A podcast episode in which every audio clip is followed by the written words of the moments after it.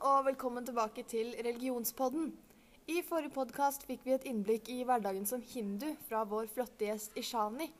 I dag skal vi derimot snakke med Martine, en konvertitt fra protestantismen til den gresk-ortodokse kristendommen, og Hanna, en nonne fra Lunden kloster. Velkommen. Takk. Vi begynner med deg, Martine. Hva fikk deg til å konvertere fra protestantismen til det ortodokse kirkesamfunn? Hvorfor akkurat den greske retningen? Jo, først og fremst så har jeg alltid tenkt at protestantismen alltid har vært så tradisjonell. Barn og ungdom i dag er medlem av Den norske kirke, selv om de ikke er så veldig troende. Derfor ønsket jeg å finne et kristen samfunn hvor man tilber Gud på den riktige måten, eh, og hvor samholdet mellom gruppene er større. På hvilken måte tenker du at dere som er ortodoks-kristne, tilber Gud på den riktige måten, sånn i forhold til katolikker og protestanter? Jo, altså det kommer av at vi tilhører et av de eldste kirkesamfunnene i verden, og at vi fokuserer mer på det indre enn det ytre. Om du spør en katolikk, så vil du selvfølgelig få et annet svar, og det samme gjelder for protestanter. Etter det store skisma forekom, hvor Øst- og Vestkirken splittet seg, har vi hatt ulike meninger om dette, noe jeg som konvertitt respekterer.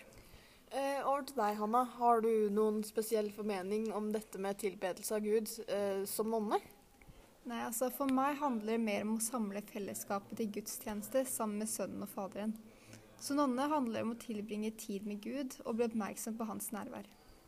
Jeg har lest, eller i hvert fall prøvd å lese meg litt opp på dette med sølibat og klosterliv. Eh, Hvordan er en hverdag for deg? Nei, En vanlig hverdag for meg starter med en samling klokka sju, hvor vi søstre ber en bønn. Hvordan dagen blir videre, kommer litt an på hvilken orden du tilhører, men for meg vil det si undervisning, tilbedelse og ro.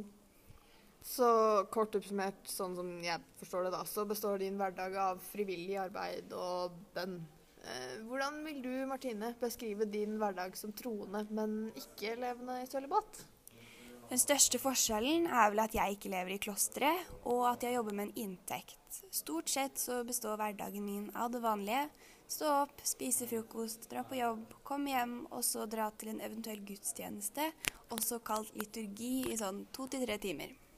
Eh, Ikke ta det her i lopp, men eh, blir det ikke kjedelig å sitte i kirken i så lenge som to til tre timer?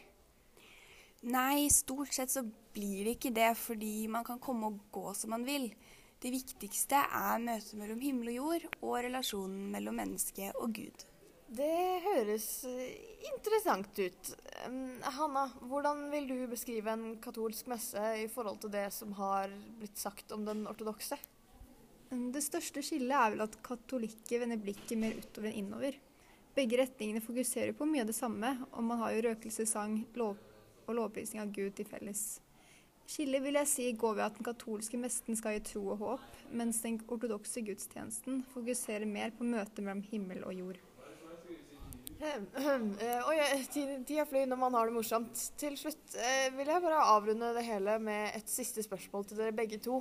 Om dere hadde hatt en god mulighet til å konvertere til hverandres retning, hadde dere gjort det da? Nei. Nei. Ok, men eh, da avslutter vi der med et kort og greit svar. Tusen takk for at dere kom hit. Tusen takk for at dere hørte på Religionspodden. Vi ses neste uke.